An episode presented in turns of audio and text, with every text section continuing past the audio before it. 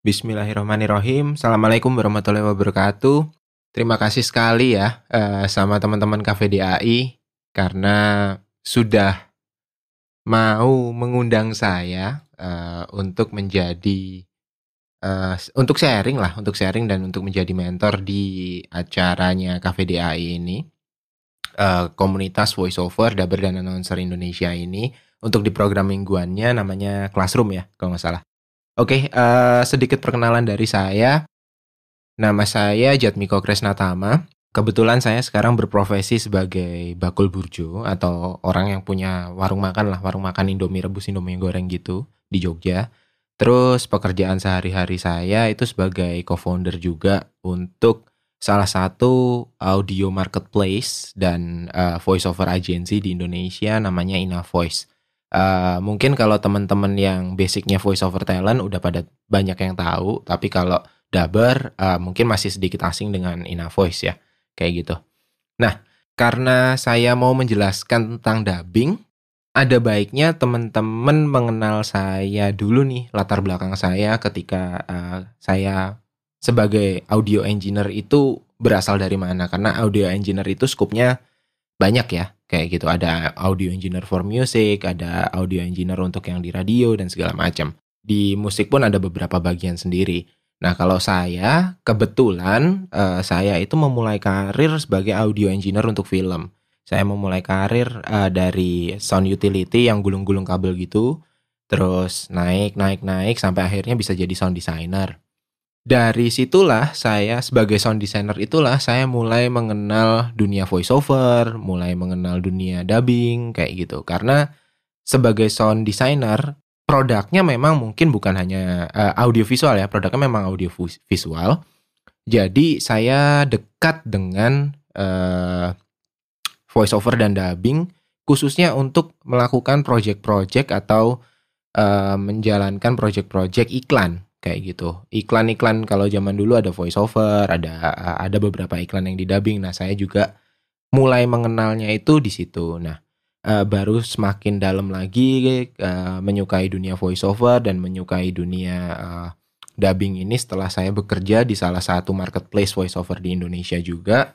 Uh, saya bekerja di sana selama lima tahun Terus akhirnya keluar dan memutuskan untuk membuat uh, voice over agency sendiri, digital voice over agency sendiri, saya startup sendiri bareng sama beberapa teman. Nah, itu latar belakang yang membentuk saya mengerti dan istilahnya juga uh, mempelajari tentang voice over dan dubbing. Oke, okay, uh, mungkin langsung aja masuk ke pembahasannya ya, biar nggak uh, makan waktu yang cukup lama kayak gitu. Jadi uh, hari ini aku dimintain tolong untuk ngobrol masalah dubbing dan uh, sangat excited sekali karena aku pengen memberi beberapa pengetahuan yang mungkin uh, aku sudah dapatkan atau aku pelajari ulang dan aku kaji ulang lagi kayak gitu. Jadi mungkin benar, mungkin salah apa yang sudah aku pelajari. Jadi mungkin teman-teman kalau misalnya memang uh, merasa apa yang aku omongin ini kurang tepat, mungkin teman-teman bisa bertanya, menyanggah nanti di sesi Q&A. Nah, oke. Okay.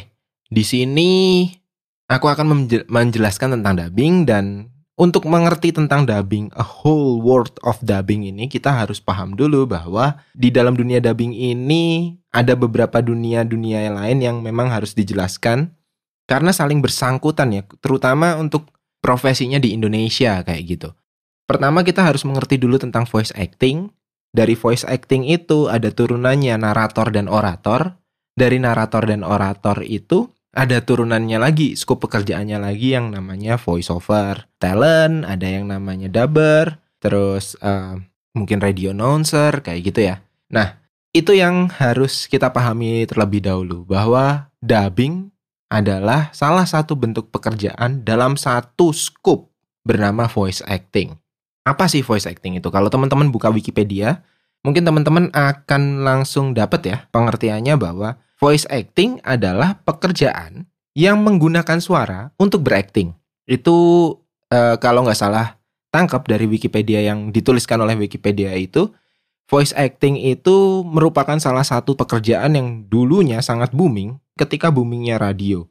Dan boomingnya radio, salah satu boomingnya radio awalan adalah ada di UK kayak gitu di United Kingdom. Voice acting ini kalau dulu itu merujuk pada radio announcer dan drama radio yang ada di UK. Kita sudah paham nih bahwa dubber uh, itu adalah turunan pekerjaan dari voice acting.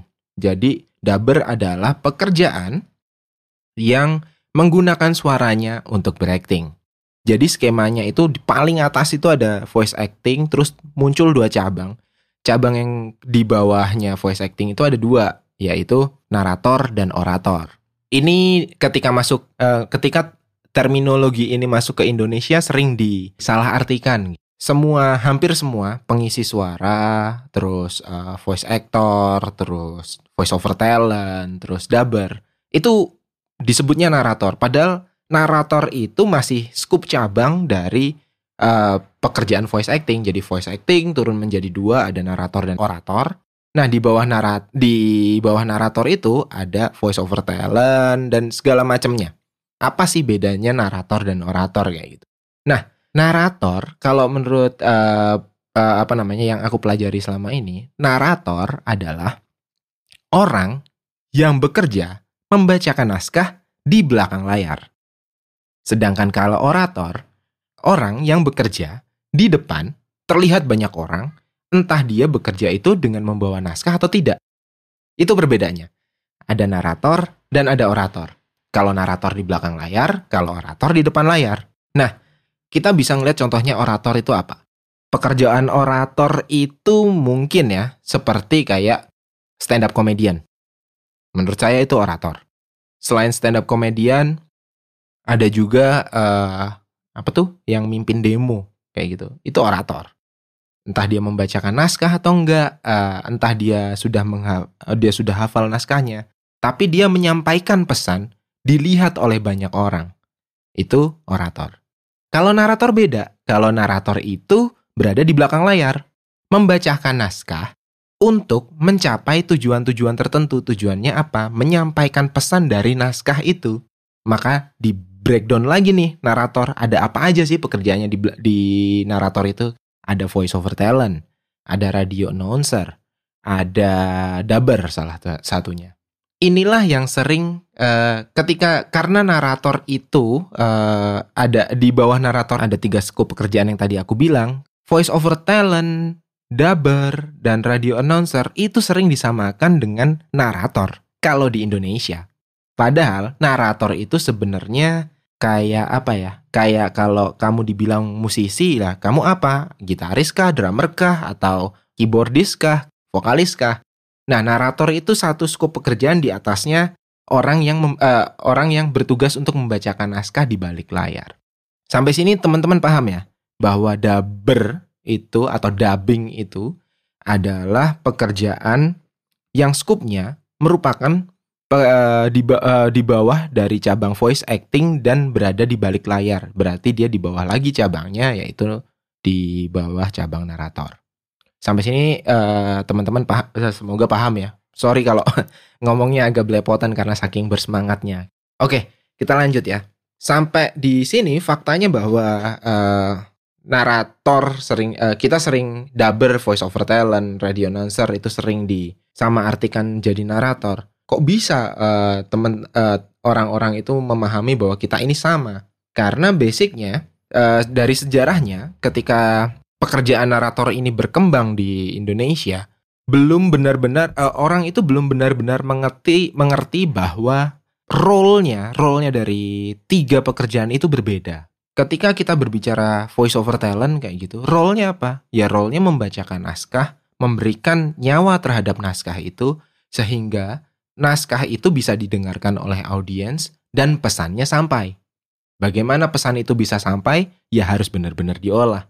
Entar, entah nanti cara bacanya, entah karakter suaranya yang harus dekat dengan target audiens, uh, dan segala macamnya. Itu kalau kita ngomongin voice over talent ya. Nah, kalau ngomongin dubber, kenapa orang-orang menganggap bahwa sama narator? Ya karena dubber itu dari dulu nggak kelihatan mukanya. Orang hanya tahu kartunnya apa, iklannya apa yang didubbing. Tapi orang nggak benar-benar tahu siapa sih orangnya yang memerankan suaranya itu. Karena uh, apa namanya? Karena si daber ini nggak ketahuan nih karena berada di belakang layar dan orang yang berada di belakang layar itu adalah narator. Jadi semua pekerjaan itu disamaratakan narator. Bahkan di sebelum tahun 2015 pekerjaan voice over talent, dubber itu tuh masih masih rancu ya kayak gitu. Orang-orang masih menganggap bahwa uh, itu adalah pekerjaan pengisi suara atau narator. Balik lagi nih, kalau ke masalah dubber, kita udah tahu uh, dubber tadi adalah turunannya dari voice acting, terus uh, dubber ini uh, sama-sama di bawah skup pekerjaan dari narator. Lantas apa yang membedakan dubber dengan voice over? Aku tadi ngomong nih, uh, dubber itu beda dengan voice over talent. Nah, apa bedanya? Uh, mungkin kita harus lebih menyoroti fungsi dubbing dulu untuk ini. Karena saya yakin teman-teman yang pengen mengerti tentang dubbing ini mungkin juga belum belum memahami bahwa di industri ini, di industri baik itu voice over atau di industri itu dubber kayak gitu. Ada hal penting yang harus dipahami bahwa suara kita itu atau suara voice over talent dan suara dubber itu adalah komoditas yang dijual. Dijual untuk apa? Untuk memberikan jasa. Jasa kepada siapa? jasa kepada klien yang meng-hire. Untuk apa? Yang jelas yang pertama untuk e, mendapatkan keuntungan dari situ. Keuntungannya gimana bentuknya?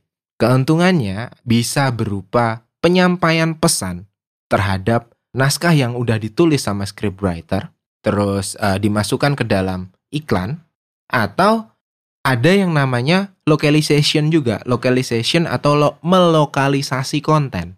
Jadi kalau voice over talent itu adalah fungsinya membacakan naskah yang ditulis untuk iklan sehingga pesannya bisa sampai kepada audiens dengan cara-cara tertentu, baik teknis perekamannya ataupun non teknis uh, pemilihan suaranya yang mendekati target segmen atau uh, bagaimana intonasinya dan segala macam.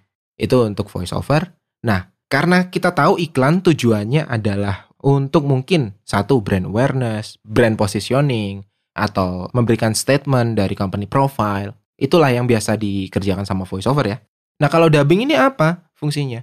Ya untuk ya juga untuk mendapatkan keuntungan, tapi produknya berbeda dan uh, produknya bukan bukan dalam bentuk iklan, walaupun sekarang sudah banyak juga uh, produk iklan yang didubbing.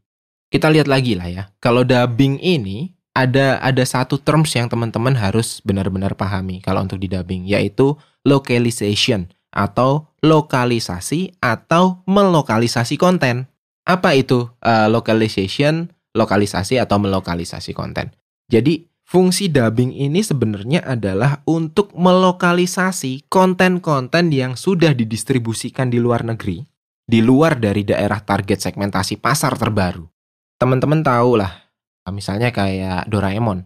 Doraemon itu udah dari tahun kapan di Jepang masuk di Indonesia karena pada saat itu stasiun televisi meyakini Doraemon akan booming, maka dari itu stasiun televisi membeli uh, hak siar dari Doraemon itu dan hak siar itu untuk didistribusikan ke seluruh Indonesia. Tapi pada saat itu juga orang televisi itu mungkin berpikir bahwa bila menyebarkan produknya, produk Doraemon ini ke Indonesia dengan bahasa Jepang dan mungkin hanya dengan subtitlenya, itu kurang dekat ya karena media audio ini membentuk ruang kayak gitu membentuk ruang membentuk kedekatan dengan orang yang mendengarkan maka dari itu pihak dari stasiun televisi itu memutuskan untuk menggunakan dubbing dan mulai dari situlah banyak banget daber-daber senior yang mengisi pekerjaan di banyak konten atau program televisi yang dilokalisasikan untuk didistribusikan dan mendapatkan rating yang tinggi sehingga implikasinya bisa mendapatkan iklan. Ketika program televisi itu tinggi terus bisa mendapatkan iklan, ya cuan juga buat TV-nya kayak gitu. Nah, di situlah bentuk suara kita dikomodifikasi menjadi sebuah bentuk komoditas dan dijual bentuk jualannya kayak gimana ya itu dari bentuk iklan televisi. Mungkin sebagai dabar kita akan mendapatkan bayaran dari stasiun televisinya. Cuman ya stasiun televisinya bisa mendapatkan pendapatan dari advertiser yang membeli spot iklan di televisi itu. Itulah daber. Itulah pekerjaan daber. Uh, jadi uh, daber sangat erat dengan lokalisasi atau uh, melokalisasi konten yang sudah didistribusikan di luar negeri ke target atau pasar baru dari konten atau program itu sehingga bisa menimbulkan kedekatan dengan calon segmentasi audiens. Jadi kita sekarang udah sama-sama tahu ya bahwa di mana posisi dubber uh, yang mana dubber itu ada di bawah narator, terus narator itu ada di bawah pekerjaan voice acting atau bekerja dengan melakukan acting menggunakan suaranya. Dan kita sudah sama-sama tahu bahwa voice over talent, radio announcer, dubber itu adalah pekerjaan yang berbeda di bawah dari narator. Jadi uh, jangan lagi kita menyamakan bahwa dubber itu narator, voice over talent itu narator, karena itu menyempitkan sih sebenarnya, menyempitkan peluang kerja dari banyak teman-teman di sini. Karena belum tentu semua voice over talent itu bisa jadi dubber, dan belum tentu dubber juga bisa jadi voice over talent. Semua orang punya talentanya masing-masing lah. Setelah kita tahu posisinya apa dan bagaimana sih dubber itu dalam localization konten dan bagaimana cara konten itu dijual. Di sini kita mau melanjutkan pembahasan ke apa sih sebenarnya yang dilakukan dubber kayak gitu. Apa sih yang sebenarnya dilakukan dubber dan apa yang membedakannya dengan ADR, ADR, atau juga yang membedakannya dia dengan voice over talent. Nah, mungkin kita, tadi sempat disentil-sentil dikit di pembahasan sebelumnya dan mungkin sekarang lebih tepat untuk menjelaskannya ya. Oke, kalau kita berbicara tentang uh, dubbing, terus kita berbicara tentang voice over talent, terus kita berbicara tentang ADR, memang kesannya kita sama-sama datang ke studio, terus berada di depan mikrofon dan membacakan naskah dan berperan. Memang kesannya sama, tapi apa sih bedanya? uh, yang sangat-sangat membedakan adalah bagaimana teknis produksi itu dilaksanakan sebenarnya. Produk apa yang diinjek sama suara kita atau diisi sama suara kita? Nah, sekarang kita mau jelasin itu ya. Aku mau jelasin itu.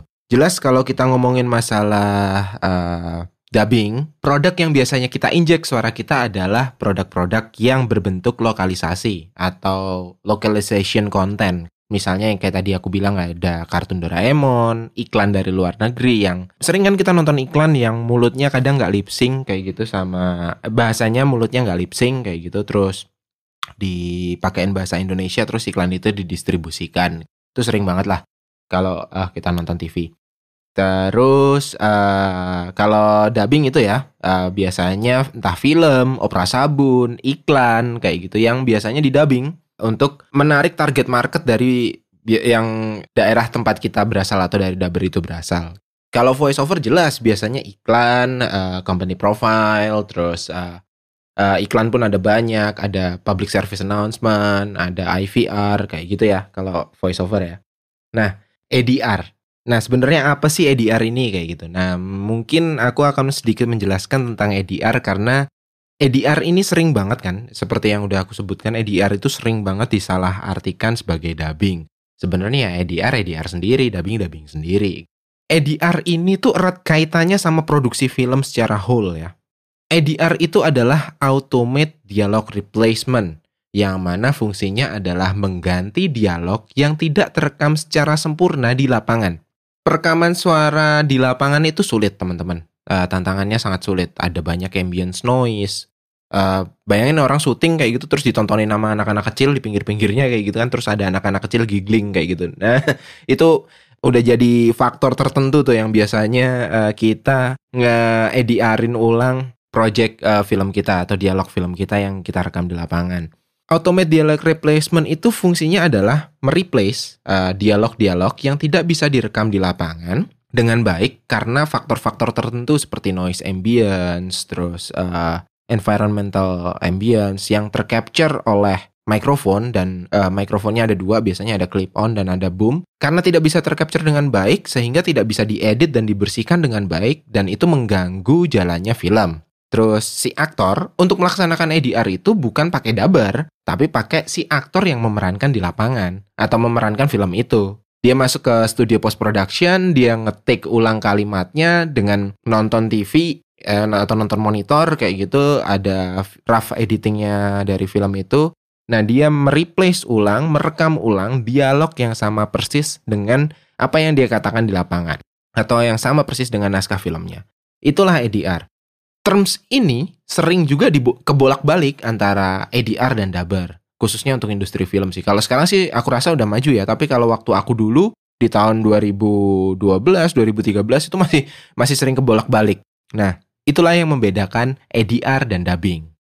Ada secara teknis juga ada yang membedakan antara dubbing dan voiceover. Kalau dubbing itu erat dengan lip sync dan bahkan harus lip sync.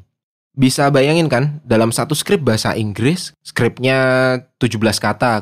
Ketika ditranslasikan ke bahasa Indonesia cuma jadi 10 kata. Bagaimana cara dari seorang dubber itu mengisi skrip yang berbahasa Indonesia itu dalam kartun atau filmnya atau opera sabunnya biar bisa di uh, mulutnya itu sama pergerakan mulut dengan dialog yang kita bicarakan. Nah, itu seninya dubbing. Sulitnya dubbing di situ. Dubbing sangat erat dengan lip sync.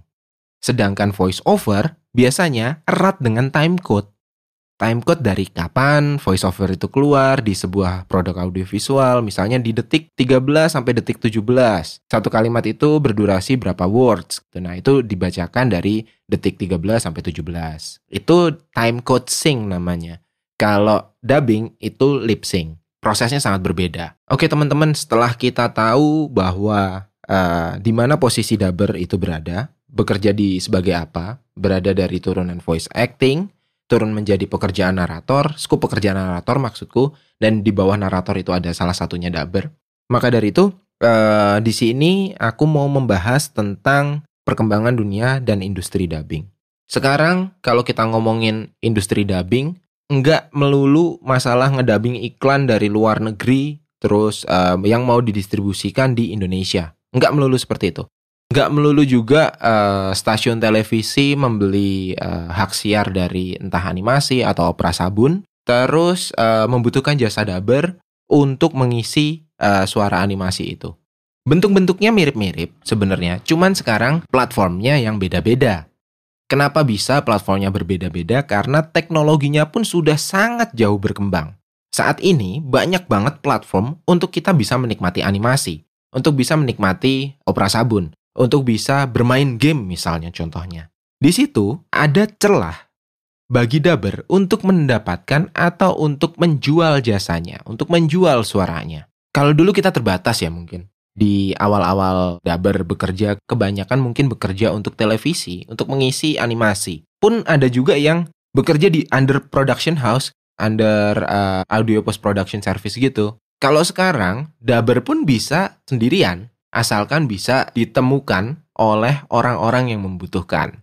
Seperti yang tadi aku bilang, platform tuh udah banyak banget. Ada Disney Plus misalnya, ada YouTube, ada uh, kalau kita ngomongin yang bukan film ya, misalnya game, ada web developer untuk game, mobile apps, ada untuk game PC, ada untuk game konsol. Jadi uh, game-game yang mungkin membutuhkan uh, suara untuk karakternya, mobile apps atau mobile games yang membutuhkan suara untuk karakternya dan TV kabel atau smart TV, channel-channel atau platform-platform yang melokalisasi kontennya untuk uh, didistribusikan ke Indonesia via platform itu rata-rata membutuhkan dubber.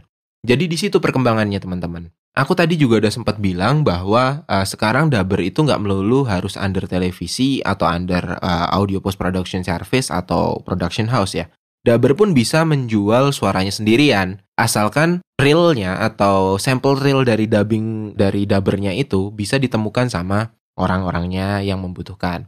Gimana kok bisa? Karena sekarang teknologi untuk merekam suara juga tidak dimonopoli oleh salah satu orang atau salah satu industri aja. Hampir semua orang bisa merekam suaranya. Catatannya, bisa nggak semua orang bisa merekam suaranya dengan baik? Kalau teman-teman dubber pengen berjualan sendiri tidak melalui under production house, tidak melalui under audio post production service, ya teman-teman bisa mulai menjual sampel realnya, mulai bisa uh, mendistribusikan sampel realnya ke yang tadi aku bilang platform-platform yang tadi aku bilang mungkin mungkin web developer, mungkin uh, game uh, mobile game developer, uh, PC game developer yang kayak gitu-gitu deh. Teman-teman bisa ngimelin sampel suaranya ini ini ini juga jadi apa ya jadi advantage sendiri buat teman-teman uh, dubber di sini untuk menjual suaranya Oke, uh, setelah di uh, pembahasan sebelumnya aku udah ngebahas tentang perkembangan industri dubbing yang sekarang udah nggak melulu untuk animasi atau opera sabun dan tayang di TV dengan bermunculannya banyak platform dan game developer. Nah, sekarang aku pengen ngasih tahu uh, bagaimana atau tipsnya bagaimana teman-teman di bisa stand out di industri dubbing kayak gitu. Gini, teman-teman harus menyadari bahwa teman-teman itu berjualan suara. Berjualan. Apa yang dijual ya suara nggak beda sama teman-teman yang lain mungkin jualan kaos kaki, jualan baju. Harus ada promo dan promo itu sekarang sudah tidak bisa menurutku sudah tidak bisa hanya dilakukan di sosial media khususnya kayak yang paling sering aku temuin itu di Instagram. Teman-teman punya satu sampai dua akun Instagram untuk satu akun pribadinya, yang kedua akun voice realnya kayak gitu. Cara-cara seperti itu sudah uh, sudah Mungkin kalau di tahun 2018, 2019 itu masih masih oke okay lah ya. Tapi kalau di saat ini, kalau memanfaatkan touch pointnya hanya melalui Instagram atau Facebook, itu udah sangat-sangat berkurang. Kenapa? Karena Instagram pun, kalau teman-teman menyadari, Instagram pun mengupdate algoritmanya, mengupdate algoritma dengan tidak lagi mementingkan masalah hashtag, tapi lebih mementingkan bagaimana konten value-nya yang teman-teman angkat. Jadi postingan yang mendapat banyak like, mendapat banyak komen, dan yang paling penting, mendapat banyak save kalau sekarang. Hashtag sudah tidak lagi relevan, kenapa? Karena sekarang kita bertanya ke, aku mau tanya ke teman-teman, siapa yang masih mencari melalui explore dan mencari hashtag? Mungkin udah sangat sedikit ya. Maka dari itu, kalau hanya menggunakan hashtag dan Instagram atau Facebook profile untuk berjualan sekarang mungkin impactnya sudah berkurang. Lantas apa yang harus digunakan? Sebagai sebagai uh, dubber atau sebagai penjual suara harus mulai memahami cara-cara berjualan modern. Bagaimana cara-cara berjualan modern? Dengan melakukan branding misalnya, dengan melakukan marketing misalnya. Branding seperti apa? Uh, misalnya dengan memberikan nilai lebih pada apa yang kalian kerjakan, memberikan value terhadap pekerjaan kalian, menaruh positioning yang unik terhadap pekerjaan kalian kayak gitu. Contohnya kayak gini. Uh, hampir semua orang bisa jadi voice over talent sekarang bisa mengakui dirinya sebagai voice over talent. Hampir semua orang bisa mengakui dirinya sebagai dubber misalnya. Tapi ada nggak orang di sana, di luar sana yang mengakui khusus uh, sebagai voice over talent dengan suara youth, uh, suara anak muda? dengan cheerful, ciri khasnya yang cheerful atau daber khusus nenek-nenek.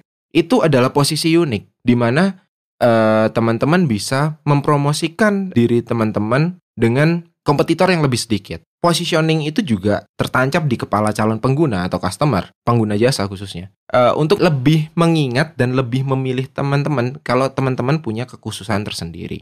Itu ya memarketingkan diri sendiri dan marketing menggunakan sosial media hanya sosial media terkhusus Instagram dan Facebook sekarang impactnya kurang kecuali teman-teman mulai bisa membuat konten yang value-nya lebih di situ. Saranku adalah mulai manfaatkan banyak jejaring sosial. Lebih banyak jejaring sosial tidak hanya melulu Facebook dan tidak hanya melulu Instagram. Coba mulai masuki LinkedIn. Coba mulai menulis blog Eh, teman-teman harus mulai memahami apa itu SEO. Teman-teman harus mulai memahami apa itu social media marketing, apa itu search engine marketing. Karena kalau memang teman-teman uh, serius di bidang ini, memarketingkan produk atau jasa teman-teman itu adalah hal yang sangat penting. Yang pertama itu, karena saya yakin baik voice over talent atau dubber biasanya bekerja sendirian dan tidak punya tim di belakangnya dan tidak ada yang memikirkan masalah kreatif, tidak ada yang memikirkan masalah konten, tidak ada yang memikirkan masalah uh, marketingnya bagaimana, brandingnya bagaimana, positioningnya bagaimana, sehingga teman-teman harus mulai belajar itu untuk bisa memaksimalkan penjualan dari uh, jasanya teman-teman. Jadi teman-teman harus bisa belajar sendiri.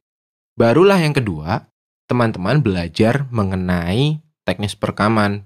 Mikrofon apa yang baik untuk digunakan rekaman, baru teman-teman mempelajari digital audio workstation apa yang tepat untuk melakukan perekaman, alatnya apa aja, bagaimana melakukan mixing, bagaimana melakukan mastering. Itu bagian teknis lah. Kenapa aku bilang bagian teknis? Karena banyak orang lain yang mungkin bisa melakukannya juga. Tapi kalau misalnya masalah marketing dan segala macam dan teman-teman tidak di backup tim yang oke, okay, teman-teman harus bisa belajar sendiri. Yang kedua, kalau misalnya teman-teman tidak punya teman yang paham tentang teknis, baru teman-teman uh, belajar teknis itu sendiri. Selain marketing dan teknis, ada baiknya juga uh, teman-teman daber memahami bagaimana industri kreatif itu bekerja. Ini sangat penting ya, uh, memahami industri kreatif itu bekerja. Mungkin ada perbedaan yang sangat mencolok antara voice over talent dan dubber. Industri kreatif di voice over talent saat ini mulai banyak klien yang langsung approach ke voice over talent. Kalau di dubbing, aku masih merasa bahwa industri ini masih dimonopoli, dimonopoli sama perusahaan-perusahaan besar. Sehingga teman-teman yang pengen jadi dubber itu ya harus paling enggak masuk ke industri itu, nyemplung ke industri itu, tahu di mana audio post production service yang mengerjakan dubbing, memberikan sampel suaranya ke sana dan segala macamnya. Berjualan sendiri itu pasti harus dilakukan.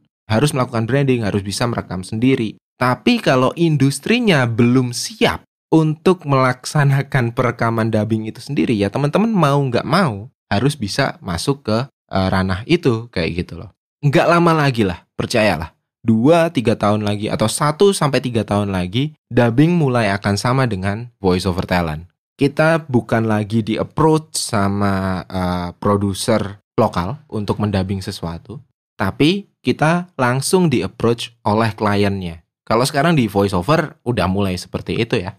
Kalau di uh, dubber, uh, dubbing uh, masih menurutku masih ada monopoli-monopoli tertentu dari baik dari platform-platformnya sendiri. Itu teman-teman. Yang perlu teman-teman pelajari adalah bagaimana memarketingkan sendiri dengan kondisi dan situasi sosial media yang terus berkembang. Jangan melulu menggunakan Facebook atau Instagram aja. LinkedIn misalnya, silahkan gunakan LinkedIn. Ada yang baru, misalnya Clubhouse, coba gunakan Clubhouse. Karena kita nggak tahu uh, dengan betul kecuali teman-teman sudah melakukan riset uh, di mana touch point teman-teman bisa mendapatkan klien. Setelah belajar marketing, teman-teman belajar teknis perekaman, apa pun yang berhubungan dengan teknis perekaman, recording, editing, mixing, mastering, alat-alatnya. Kalau enggak ya, kalau misalnya teman-teman kesulitan untuk mencari untuk mulai belajar lagi ya teman-teman bisa coba approach uh, yang sama kotanya kayak gitu belajar bareng atau uh, apa namanya hire uh, record engineer dan editing engineer. Terus baru memahami pola dari industrinya. Itu sih yang uh, apa namanya uh, penting untuk teman-teman lakukan. Oke teman-teman uh, kayaknya segitu aja uh, aku ngobrolnya tentang dubbing. Maaf belepotan mungkin lompat-lompat uh, mungkin juga nggak jelas gitu ya. Tapi uh, aku sertain juga artikel-artikel dua artikel yang aku tulis. Semuanya ada di blog di uh, ada di blogku di inavoice.com tapi aku sertain di sini uh, wordsnya uh, artikel wordsnya mungkin teman-teman bisa baca itu sambil dengar aku ngomong uh, audio file yang aku kirim ini jadi lebih memahami tentang apa itu dubbing sesuai dengan pemahamanku ya kalau mem memang pemahamanku salah minta tolong sambil dibenerin juga kita sharing aja lah tentang ini. Oke teman-teman, uh, thank you udah mau dengerin cuap-cuapku yang sedikit nggak jelas, lompat-lompat dan belepotan banyak ah ah ah, ah oke gitu ya dan segala macamnya. Semoga bisa jadi bahan uh, kita untuk uh, memajukan industri suara ini dan saling memberi informasi. Oke teman-teman, thank you. Uh, Assalamualaikum warahmatullahi wabarakatuh.